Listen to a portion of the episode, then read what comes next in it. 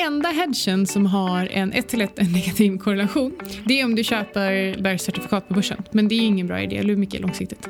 Nej, alltså, åtminstone om man inte har några riktigt bra instrument för det. Eh, och man måste, ju, man måste ju verkligen kunna vara extremt långsiktig om det ska funka.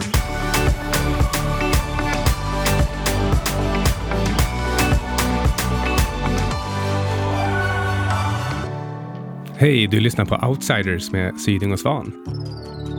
Och eh, vi ska den här veckan, kanske inte helt oväntat, snacka lite om sviterna på börsen av coronaviruset. Men vi är faktiskt i Marocko och eh, hälsar på, jag säga. Men eh, åker ner och tittar på Acelius Masen-projekt. Mm, precis, vi är och besöker det här eh, projektet med Masen, Marockos statliga energi, mm, energiverk för eh, förnyelsebar energi, där eh, Aselio precis nyligen har dragit igång elproduktionen och håller på att optimera den för att, eh, att snart påbörja själva tredjepartsverifieringen. Men vet du vem som förtjänar all tack här i världen? Ja, det är ju så att Alexander Marton är inte frånvarande på grund av coronavirus, utan han sitter som vanligt och fixar till våra inspelningar. Och det som är härligt med det här är ju att även om han skulle behöva befinna sig i karantän, inte för att han skulle behöva det, men så skulle han kunna klippa podden därifrån också, om han hade velat det.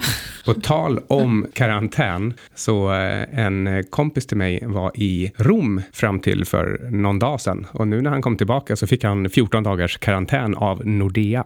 Jag åker till Rom den 26 mars, är planen. Ja, det är frågan om outsiders ska ge dig karantän efter det. Eh, vi, får, vi får köra inspelning på avstånd. Nu låter jag ju i och för sig som att jag har fått coronaviruset och det är inte helt omöjligt att jag drog på mig det i helgen. Okej, toppen. Så eh, då hoppas vi att jag håller mig Men jag är så pass ung så att ehm, för mig, för mig personligen om jag skulle få corona skulle inte risken för mig vara så himla stor att jag skulle till exempel dö. Men däremot så är det ju mindre trevligt om man eh, sprider det till någon annan. Till dagens avsnitt. Det här spelades alltså in på måndag, eh, det tredje mars, eller andra mars idag. Det är mars. Tredje eller andra? Eh. Oklart, det är måndag i alla fall. Och eh, det som har hänt i helgen, det är att eh, Kina släppte sin PMI-siffra och den var extremt låg, 35,7. Det här är alltså en serie som brukar ligga kring 50, stabilt som en, ja, eh, en dödmans EKG. Och eh, där ligger det liksom och tickar, ser liksom ut som att det inte händer någonting egentligen. Och sen plötsligt så ställer den här ner till 35,7. Och, och det är alltså, förutom att det är extremt svagt och visar precis det vi alla har hört, att allting står stilla i Kina. Vi har den här gamla statistiken med bilförsäljningen till exempel, som var minus 80-90 procent i februari, så är frågan vad är det Kina vill kommunicera när de släpper den här siffran? För, för de har ju alla möjligheter att manipulera sina siffror. Ja, och en sak som jag, som jag har pratat ganska mycket om i EFN och Dagens Industri förra veckan är skillnaden på signaler och brus och hur man väger in det i sina analyser kort och långsiktigt. Så när det kommer till just corona så kan det innebära signaler, det kan också innebära brus, men det beror lite på vilken typ av eh, tillgång som man tittar på. Och det, corona, coronaviruset blev en, man skulle kunna säga så här att Kinas eh, PMI, eh, det svaga PMI, är en signal på att coronaviruset faktiskt på riktigt har påverkat den globala ekonomin. Ja, för eh, Kina brukar vilja dölja allting som är dåligt så länge det går och åtminstone så länge det går att i efterhand eh, redovisa någon slags eh, lite lagom mjukt genomsnitt över saker som har hänt. Men nu verkar det helt enkelt vara så allvarligt att, eh, att det släpps tillåts släppas filmer på hela städer i karantän och tillåts släppa sådana här saker som PMI-siffran.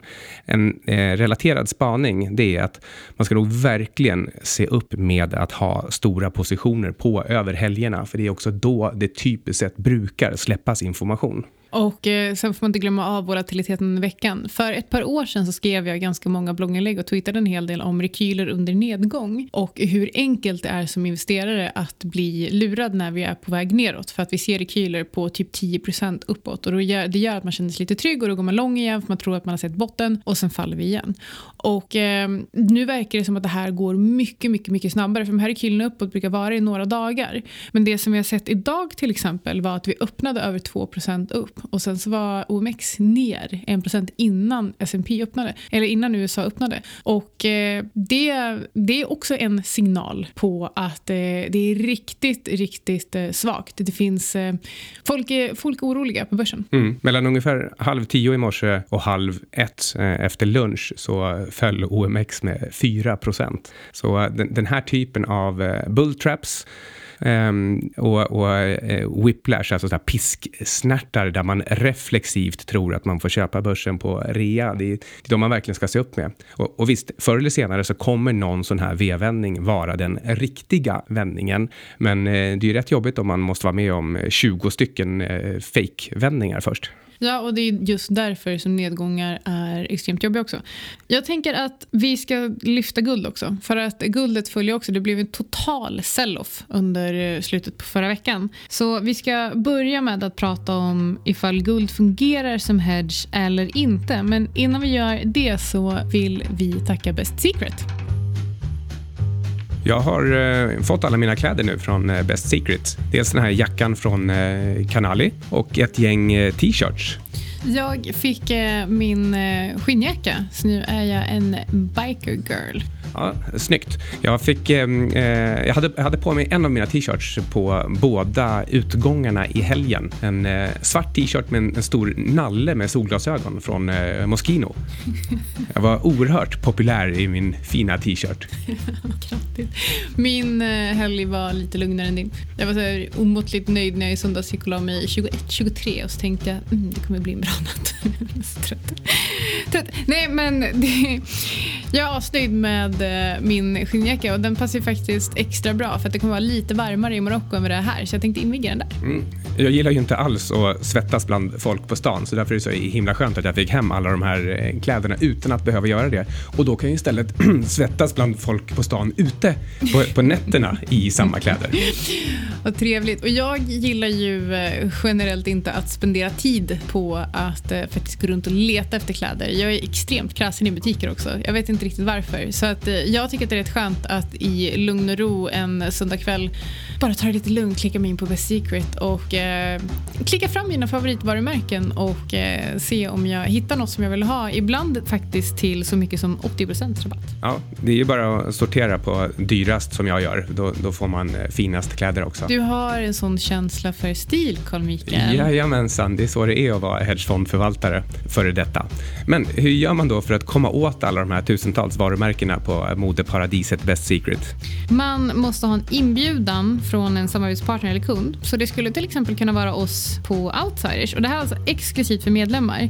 Men det är helt gratis att gå med eh, med den här inbjudan. Så det du gör är att du går in på www.bestsecret.se outsiders och det är helt gratis att, eh, att gå med. Mm. Och sen så kan du klicka runt och se vad du hittar. Ja, så eh, direkt efter det här programmet så ska jag också ta på mig mina nya spatserbyxor från J. Lindeberg. Eller de heter faktiskt affärsbyxor. en sak som man också kan bara lägga till det är att det här är ju inte liksom bara herr och eh, dammode utan det, det finns... finns barnkläder också. Ja, och eh, sport och även inredning. Precis, så att oavsett vad du är ute efter så kommer du säkert hitta någonting som faller dig i smaken där. Tack, eh, Best Secret. Du talar med Bo Dankis, ordförande för, för Acelion. Vad står vi och tittar på just nu? Nu står vi och tittar på Masens stora, stora anläggning, störst i världen har jag förstått, med, med flera olika eh, solenergitekniker. Att det här är deras testanläggning som är nio gånger så stor som Central Park har jag precis fått reda på. Och här testar då Marocko olika teknologier för sitt eh, väldigt eh, ambitiösa program att mer än 58 procent ska då eh, genereras via solteknik i Marocko om några år. Concretely that means that we are uh, have the obligation to establish 3000 megawatts of installed capacity from renewable energy by 2020 and 6,000 megawatts uh, by 2030 in order to achieve these targets. Okej, vi hade den här totala selloffen förra veckan. Allt full, förutom palladium då, förutom på fredagen. Så då, då drog palladiumpriset ner ordentligt. Men inklusive guld. Guldpriset föll nästan 4 under fredagen tror jag va? Ja, och eh, det var väl en hel del som blev förvånade och jag ska väl, eh, jag skulle väl ljuga om inte jag blev li lite förvånad också över att, eh, att det gick så svagt. Men det man ska komma ihåg är att vi har aldrig sagt att, att en hedge, den här typen av hedge, måste funka alla enskilda dagar. Ehm, det är till och med så att vi har lyft fram ibland att eh, det här är också en finansiell tillgång och eh, när allting rasar då brukar korrelationerna gå till ett och eh, hål på andra ställen måste, måste fyllas eller finansieras med försäljning av egentligen allt man kan komma åt att sälja. Det gör ju ont att erkänna det här, men vet du vad som gick riktigt bra? Nej. Dollar. ja. och det är ju för att allt skulle ut i dollar. Ja, ehm, och eh, men det är så. Det är flight to safety också. Det är in i dollar man vill. Yes, I'd say it's a full-scale panic. We're advising our clients to put everything they've got into canned food and shotguns. Men, men precis som Micke sa, det, det är inte så att det finns en negativ korrelation mellan guld och eh, aktier vid de tillfällen som eh, aktier faller. Men däremot så drog jag fram en graf förra veckan som jag tog med mig till både DI och EFN eh, som, visar, eh, som visar egentligen guldprisets utveckling och S&P's utveckling de senaste 12 månaderna. Och korrelationen har faktiskt varit 0,75 förutom faktiskt eh, tillfällen då börsen har gått ner för att guld fortsatt uppåt men annars har de hållit ganska bra, eh, ganska bra takt tillsammans ändå. Men det jag vill säga är att, precis som Micke sa, det, det är inte så att guld funkar från dag till dag utan är, blir det den här typen av total sell-off då, men då självklart faller priset på guld också. Men det man brukar se är att guldpriset återhämtar sig snabbare. Du får en typ av rekyl i guldpriset och det reglerar upp snabbare än aktiepriserna guldet gick ju också väldigt starkt mellan, eh, nu ska vi se här, 20 februari och någonstans eh, 25 februari, alltså fram till den här liksom riktiga sell-off-dagen så gick guldet eh, eh, starkt. Antagligen på grund av att man började se allvaret i för, eh, eh på grund av coronaviruset och att man började förbereda sig på quantitative easing och den effekt som det ska ha på guldet. Och det är också just därför som vi pratar om guld, för att det är money printing och, och att man kommer göra desto mer av det ju jobbigare saker som händer för ekonomin. Så låt oss återkoppla till brus och signaler och för vilken typ av tillgångar som corona då är ett brus och en, när det är en signal. Tittar man på guldpriset till exempel och den här totala selloffen så blev corona ett brus. Det är en kortsiktig effekt som påverkar guldpriset och den långsiktiga signalen som vi ska titta efter är just penningpolitiken. Hur kommer penningtryckandet att påverka guldpriset? Och om man tittar på historiskt så kommer så inflation eh, och en ökning av penningmängden extremt bra för guldpriset. Så att om det är någonting så finns det här, så blev det här en eh, möjlighet att eh, köpa mer guld. Men jag vill också säga att eh, det kommer vara extremt volatilt på många marknader och man får vara kanske lite försiktig om man inte har ett inre lugn. Men för att dra en liknelse då för en tillgång där corona faktiskt inte är brus utan signal så tänkte jag att vi skulle återkoppla lite till bilförsäljningen i Kina. Och då är det palladium. Jag sålde ju palladium eh, precis innan, för, för förra veckan tror jag. Och så skrev jag om det på Twitter och sa att coronaviruset det kommer påverka bilförsäljning i Kina. Kina står för 30% av eh, den globala bilmarknaden. 85% av efterfrågan på palladium kommer från bilförsäljning eller framförallt försäljning av eh, bensinbilar. Och eh, jag tror att det här kommer falla ordentligt och därför vill inte jag ha palladium i portföljen just nu. Jag tror fortfarande att på ett par års sikt att det är en bra tillgång att ha i portföljen men jag ser det här som ett tillfälle att sälja på rekordhöga nivåer just då och köpa tillbaka på lägre nivåer nivåer. Jag skrev det här, jag sålde, priset gick upp typ 12% till. Och jag bara satt och gapade. För att priset fortsatte upp även när faktiskt börsen gick ner.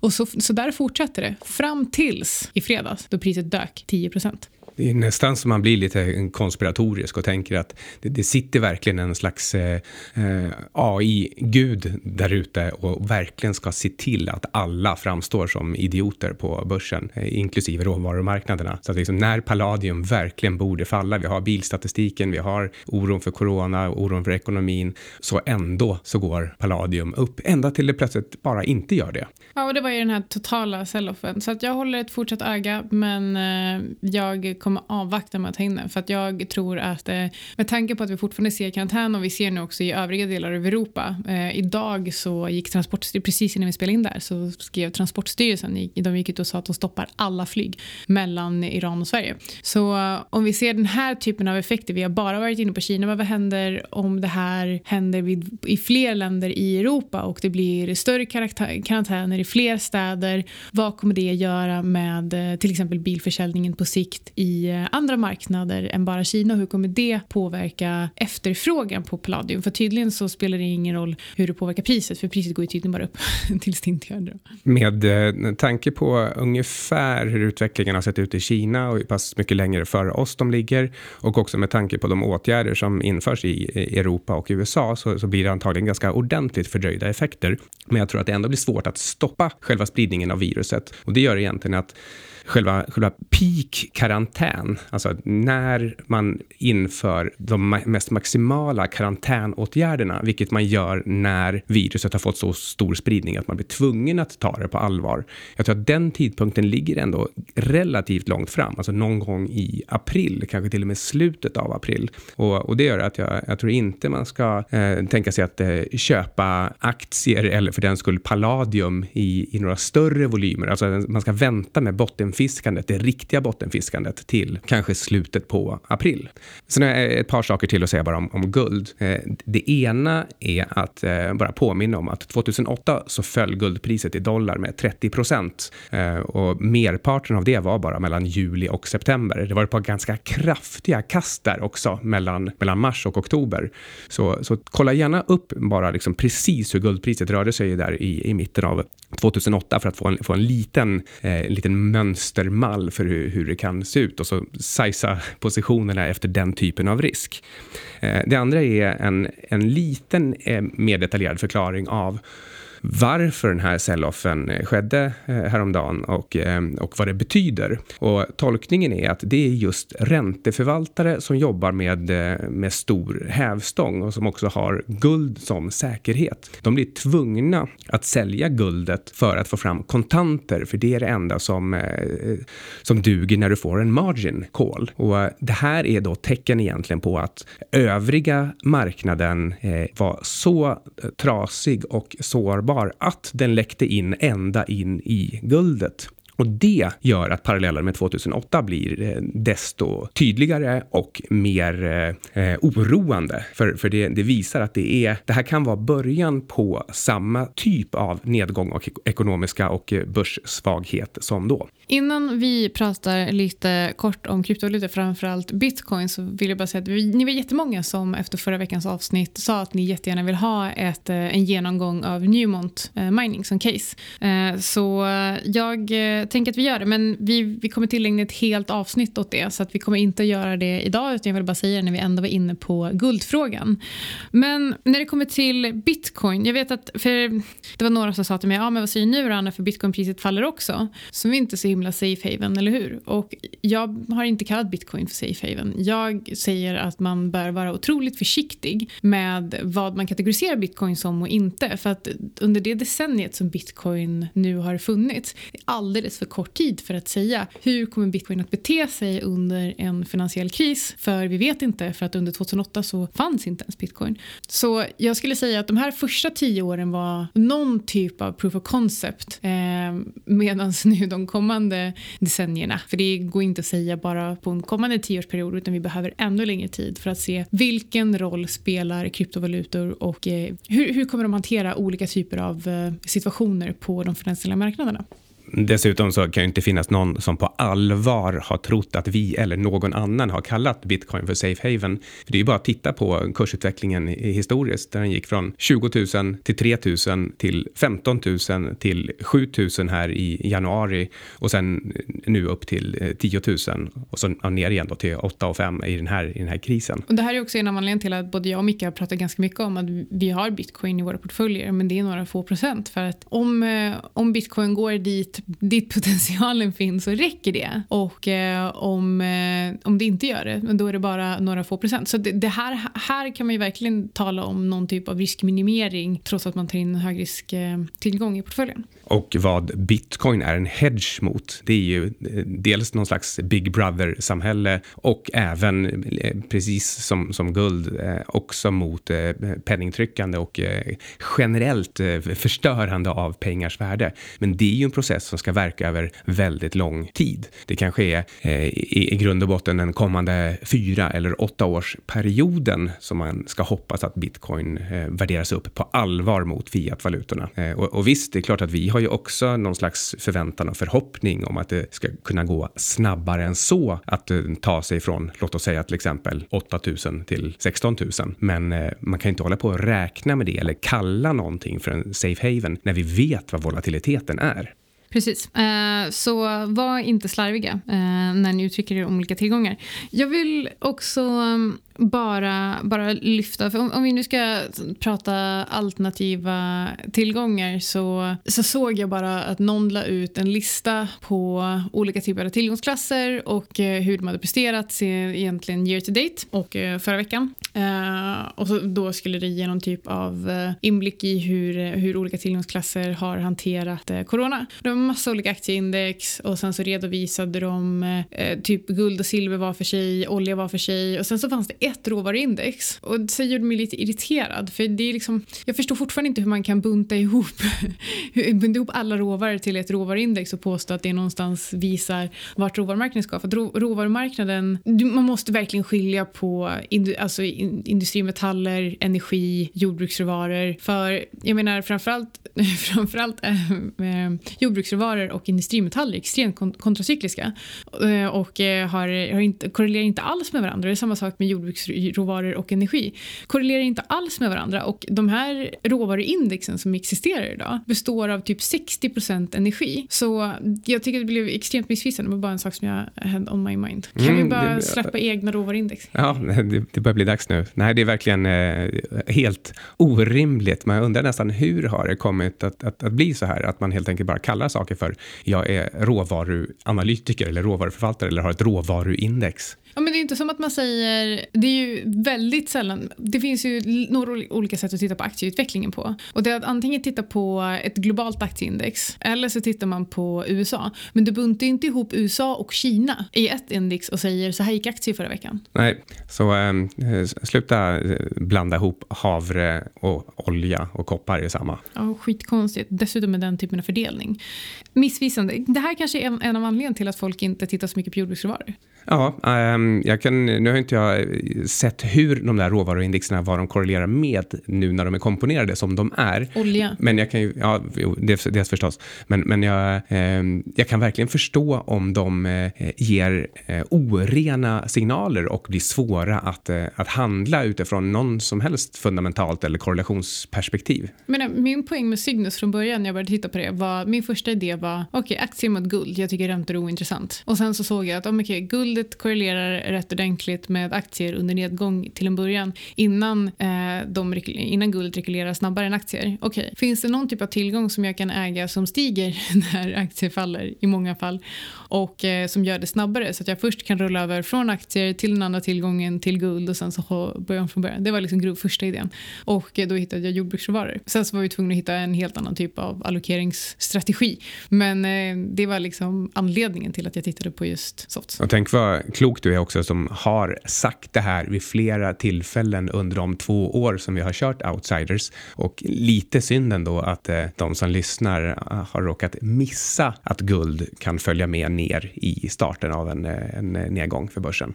Så kan det vara. Men, men å andra sidan så både du och jag har lagt så pass mycket tid på, eh, på att eh, studera guldpriset och hur det reagerar. Så det är väl inte så konstigt att, eh, att alla inte har tid och möjlighet att förkovra sig i en typ av tillgångs utveckling. Nej, och sen med allt det här sagt, vi äger ju fortfarande guld förstås. Det är bara att vi Självklart. äger det på, på sikt. Ja, och jag menar 20% av min portfölj låg i guld och guld presterade ändå bättre än aktier förra veckan. Så, och hela poängen handlar egentligen om att minimera drådarna.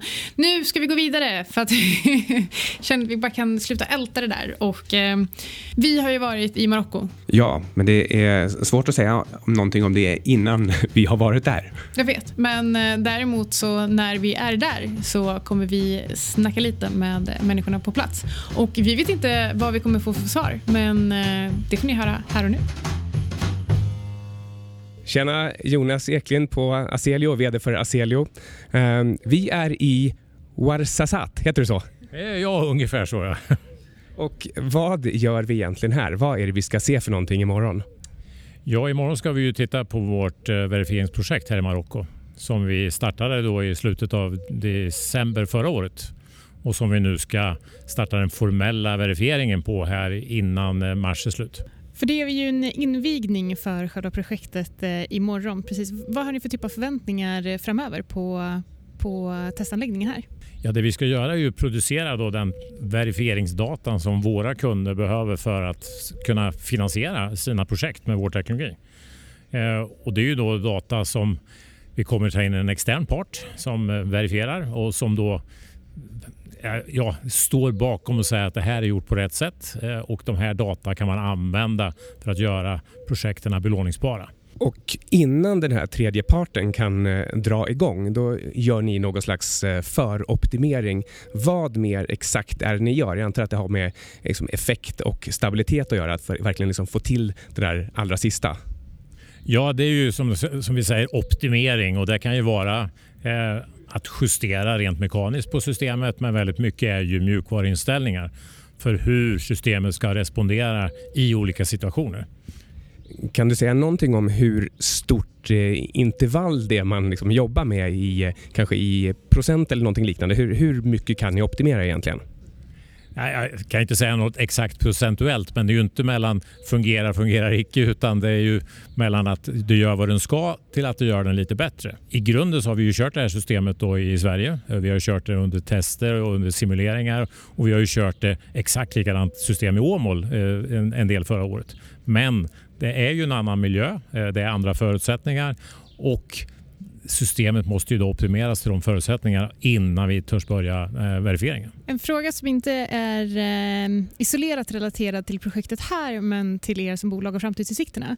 Jag pratade lite med Kent innan och i eh, Financial Times igår så hade de diskuterat att på grund av corona så kommer priset på batterier inte att falla. Och det är ju någonting som ni har räknat med men ändå har haft en positiv kalkyl. Så hur ser framtidsutsikterna ut för er nu när batteripriset kommer att vara fortsatt högt? Ja, vi har ju i våra kalkyler och vår kommande eh, framtida konkurrenskraft räknat med eh, rätt kraftigt fallande batteripriser. Och ändå så har ju vi en mer konkurrenskraftig lösning. Så att faller de mindre så det är klart, då blir det ännu bättre för oss givetvis. Betyder det att ni då kan börja jobba er in i intervallet även fyra timmar? Ehm, eller kan du säga någonting om så här, varför är det så att batterierna har eh, lagt beslag på den här tiden en till fyra timmar och det är sen efter, efter det som eh, er lagringslösning eh, kommer in? Eh, själva kärnan i det är ju att när man bygger ett system så kostar ju systemet någonting och sen så bör man lägga på kostnader för att ha fler och fler timmar. Eh, och I vårt fall så, så kostar ju den extra timmen väldigt, väldigt lite. Därför att vi har ju grundsystemet och så gör man det lite större, har i lite mera aluminium. Och ska man ha fler timmar gör man det lite större, lite mer aluminium. Men i form av batterier, då är ju varje ökning av lagringstimmar också lika dyra som de tidigare timmarna.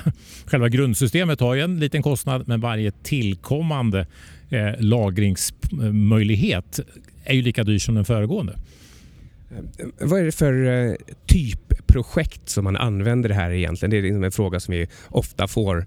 Eh, och jag brukar svara att ja, men det kan vara ett sjukhus på afrikanska landsbygden off the grid. Men det finns säkert många fler intressanta exempel. Ja, och det är ju egentligen alla som behöver de här många timmarna. Vårt system är ju byggt för att kunna ge nominell effekt 13 timmar per dygn och att du då kan ladda systemet under de timmar som man har sol på en normal solmarknad, 5-6 timmar. Då. Eh, och, alla som har det behovet kan ju då använda systemet.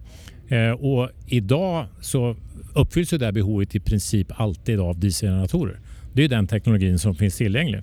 Eh, och de som använder en dieselgenerator och använder diesel för att generera el, det är ju där vi går in och ersätter dieselanvändandet.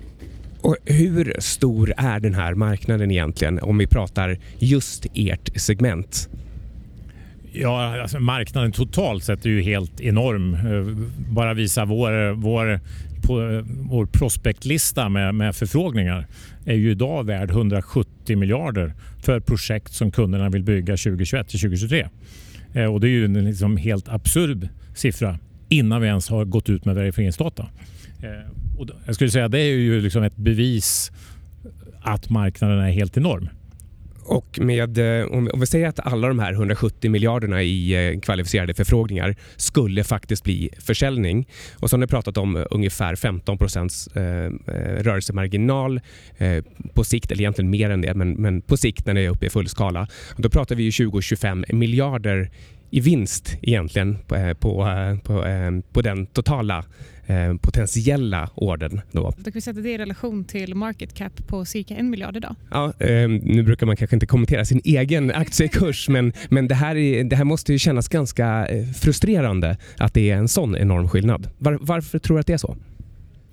Jag tror att prospektstocken är så enormt stor så att det blir som, som absurda siffror nästan. Men vi har ju också visat att vi har omvandlat det här till avsiktsförklaringar, de här Memorandum of Understanding. Att vi kan ta den här avsikten att omvandla dem till faktiska samarbeten och som nu då ska omvandlas i nästa steg till ordrar och projekt och leveranser. Hur är det egentligen möjligt att faktiskt få till sådana här avsiktsförklaringar innan det här verifikationsprojektet är klart? Vad är det för kunder? Hur, hur tänker de? Hur vågar de lita på tekniken redan nu? Ja, det är snarast åt andra hållet. Att de de måste ha den här typen av teknologi för att komma vidare. Eh, de bygger idag projekt med, med solceller oftast. Några bygger med vind, men de flesta bygger solcellsprojekt. Eh, och deras kunder säger att vi vill ersätta mycket mer diesel. Vi vill köra solenergi dygnet runt. Och sen har man provat med batterier. Det har inte gått bra. Det blir för dyrt. Det blir för komplicerat. Och sen har man hittat oss nu är det ungefär, jag tror att det är sju stycken eh, avsiktsförklaringar som, som eh, ligger i eh, pipen redan.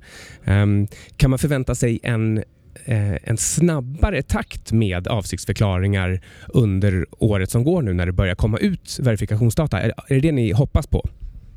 Ja, det, det, viktigaste nu det är ju näst, egentligen nästa steg då, att kunna omvandla några samarbeten till faktiska ordrar. Och vi har ju sagt att vi ska leverera två mindre kommersiella projekt i år. Eh, men ännu viktigare så ska vi börja leverera eh, riktiga projekt, lite större projekt nästa år. Då.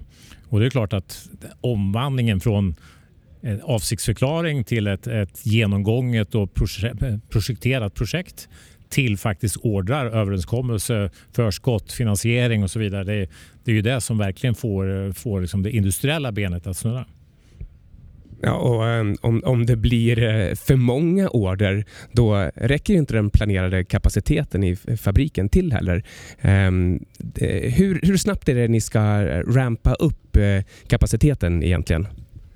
Ja, vi har ju sagt att vi ska producera 1500 moduler eh, 2021 eh, och eh, 6000 moduler 2022 och 17 000 moduler 2023. Så det är ju en ganska snabb upprampning. Men det svåraste steget är ju att faktiskt komma igång i den industriella skalan. Eh, och jag har ju sagt det många gånger att de så här, underleverantörer vi har, många av dem jobbar ju i den globala bilindustrin eller automotorindustrin. Eh, och de kanske undrar varför beställer ni inte 200 000 komponenter? För de är ju vana att leverera, leverera till en hel bilserie. Eh, så det finns ju olika scenarier framåt hur snabbt det här kan gå. Men, men det viktigaste är att komma igång med riktiga affärer, riktiga ordrar, riktiga förskott, finansierade projekt och att våra kunder faktiskt kan bevisa den kommersiella bärkraften i systemet. Jag tänkte hoppa till eh, 2024 också, för i prospektet så står det att då är det 35 000 moduler ni hoppas på. Och det är ju fler än vad ni kan köra på den befintliga linan i eh, Uddevallafabriken. Så eh, vad, vad ligger bakom just det steget där 2024? Ja, Uddevallafabriken har ju en eh, kapacitet som den är byggd just nu på 23 000 moduler om året. Men med väl relativt små investeringar skulle man kunna dubbla den kapaciteten. Eh, och det är klart att bygga en annan fabrik någon annanstans är också fullt möjligt. Och, och har, vi, har vi kommit till att producera och sälja eh, och tjäna pengar på 17 000 moduler så tror jag nästa steg är betydligt enklare. Var kommer egentligen det här lagret ifrån? Vem, vem har uppfunnit lagret? När, när kom ni på att eh, ni skulle värma upp en, en klump aluminium? Ja, det är ju en eh, lösning som är framtaget inne i bolaget. Eh, och att man skulle använda termisk lager, alltså värme. Det är ju självklart eh, att driva motorn. Vår Stirlingmotor drivs ju av värme. Och att då bygga ett värmelager, det är det som är fördelen med hela lösningen. Att det är väldigt kostnadseffektivt och lagra mycket energi i form av värme. Eh, sen jobbar vi ju extremt mycket med att göra datorsimuleringar för att testa olika varianter. Eh, titta på alla typer av sätt att lagra värme vid temperaturer som är lämpliga för vår Stirlingmotor. Och vilka material och eh, egentligen en gigantisk utredning tillsammans med eh, datorsimuleringar. Och I det arbetet så kom vi fram till den här lösningen att använda just den här aluminiumlegeringen, eh, just det här sättet att bygga och just de här Eh, tekniska konceptet. Då. Och det är ju framtaget inne i bolaget och givetvis ihop med våra underleverantörer, våra partners, olika universitet och så vidare. Men, men det är ju som, det är bolagets lösning och bolaget som har tagit fram det.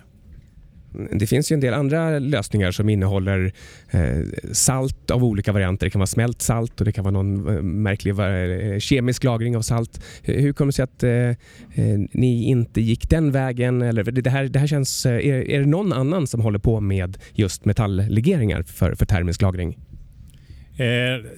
det kom ju fram samtidigt som vi presenterade här 2018 så kom det ju ett forskningsprojekt i USA som, eh, som hade varit finansierat av eh, Enrel. Eh, och de kom ju till slutsatsen att hur ska man bygga det perfekta energilagret för distribuerad baseload? Och deras rapport sa ju att hoppas att någon kanske eventuellt kan bygga det här till 2025. Och så här ska man bygga det. Och deras förslag är ju i princip identiskt till hur vi har byggt det. Eh, och det roliga var ju då att eh, de sa kanske någon kan bygga det till 2025 och vi skulle presentera det den 14 juni 2018. Det, det är riktigt kul. Um, hur skyddas uh, er intellektuella rättighet i, i det här lagret? Ja, runt lagret så är ju allt är ju nyutveckling som är gjord i modern tid. Det bygger på våra liksom, innovationer. Eh, och där har vi väl idag tror jag det är sex godkända patent och vi har patent på gång i 14 olika patentfamiljer. Eh, så att det är ju väl skyddat och sen så styrs ju hela systemet av mjukvara som också är en väldigt viktig del av skyddet. Mycket av som kunskapen om systemet ligger i mjukvaran och den är ju också väldigt väl skyddad. Och sen så har vi ju då delar i Stirlingmotorn Eh, där vi håller det extremt hemligt inom bolaget. Eh, för Stirlingmotorn är ju i år 204 år gammal. Eh, så att själva principen Stirlingmotorn är inte möjlig att patentera. Men vissa kärnkomponenter som gör att våra motor fungerar industriellt, eh, de skyddar vi ju inom bolaget. Kan du beskriva med lite referens till miljön här ungefär hur stora delarna är? Ja, eh, varje modul som vi har, eh, den är ju lite, om man skulle boxa in oss här i ett litet rum så vi satt väldigt i en liten ministudio eh, och ett par meter högt. Det är, det är så att säga hela den, modulen. Då. Låter inte helt olikt de burar vi gick förbi som användes i gladiatorerna innan när vi var och besökte studion? ja, precis. Det, och varje modul ser ut så. Då. Eh, och sen så har man då Eh, Stirlingmotorn eh, som är som en eh, tvättmaskin ungefär i storlek totalt inklusive sina kringsystem. Då. Eh, och det är den totala utrustningen som är en modul. Eh, och sen så kopplar man ihop flera sådana moduler utifrån vad man nu behöver i, i uteffekt och, och i, i lagringskapacitet. Och det är klart, då kommer ju projekten vara någon eller några megawatt för att bygga ihop en lämplig portfölj. Eh, och det är ju där det har sin riktiga unika konkurrenskraft i just de här distribuerade projekten där du bygger en eller du bygger fem eller sju megawatt. Att kunna anpassa precis till en slutförbrukares behov. Då tackar vi dig så mycket Jonas Eklind, VD för Aselio. Tack! Ja, tack så mycket. Solar electricity in the middle of the night. That's the core of Aselio. Okej, men för att, för att sammanfatta corona-oron då så skulle jag vilja säga det finns den, den enda hedgen som har en 1 till 1 negativ korrelation. Det är om du köper liksom eh, bergscertifikat på börsen. Men det skulle vi inte, alltså kortare börsen så får du ju exakt motsatt. Men det är ingen bra idé, eller hur mycket långsiktigt? Nej, alltså, åtminstone om man inte har några riktigt bra instrument för det. Eh, och man måste ju, man måste ju verkligen kunna vara Timingen. extremt långsiktig om det ska funka. Precis, men, eh, men med det sagt så det finns inga hedgar som funkar dag till dag utan zooma ut och eh, titta långsiktigt precis som du gör när du investerar i aktier. Där pratar vi alltid långsiktighet så kan vi inte göra det i det här fallet också. Och eh, tänk på i den här typen av nedgångar, skydda dig betyder inte nödvändigtvis att din portfölj måste gå upp 10% när börsen faller 10% Det skulle kunna betyda att du minimerar drawdown med hälften eller, eller flat. Men det finns det beror lite på vad, eh, vad man är ute efter och på vilket sätt man gör det, hur mycket tid man har tid att faktiskt lägga på sin portfölj och eh, sen vill jag också säga att fattar att det är asjobbigt när portföljen går ner. Jag menar, jag satt eh, förra veckan och bara tittade och tänkte så här, jag, får inte röra, jag kan inte röra någonting nu för nu, ehm, nu, det här är liksom make it or break it för Cygnus också. Jag, klart jag vill se hur min modell faktiskt hanterar den här typen av, den här typen av situationer på, på börsen. Och jag la ut lite prints från, för jag har tre olika, tre olika typer av portföljer portföljer eh, som alla bygger på Cygnus men har olika typer av allokering och olika typer av risk. Och eh, det var någon som eh, bad mig lägga ut ett resultat och jag la ut alla de tre. Så de ligger där om ni letar på min profil. Och jag tror att eh, QE, det lyfter alla båtar i början. Och eh, eftersom eh, aktier är det de flesta tittar på så lyfter det aktier eh, ordentligt först. Och det är därför vi också har sett tre gånger så höga eh, värderingar som historiskt. Om man räknar på eh, Hassmans eh, cykliskt justerade eh, mape tal, P-tal kan vi kalla det för. Um, men eftersom det redan är gjort och QE, alltså penningtryckande, framför allt har en 1 till 1 effekt mot guld över tid så är det mot guld man, man bör vända blickarna. För som sagt, vi har redan sett uppvärdering av några aktier. Nu är det dags för, för guldet att gå ifatt aktierna och det kan ske genom att aktier faller och guld stiger eller någon, någon, någon motsvarande kombination, men som ändå gör att man kan byta desto fler enheter aktier mot, eh, mot guld framöver. Precis. Så uh, simma lugnt på börsen och uh, ibland gör det ont men det är det som risk betyder. Då har du lyssnat på Outsiders. Med Anna Svan. Och Carl Mikael Syding. Ciao.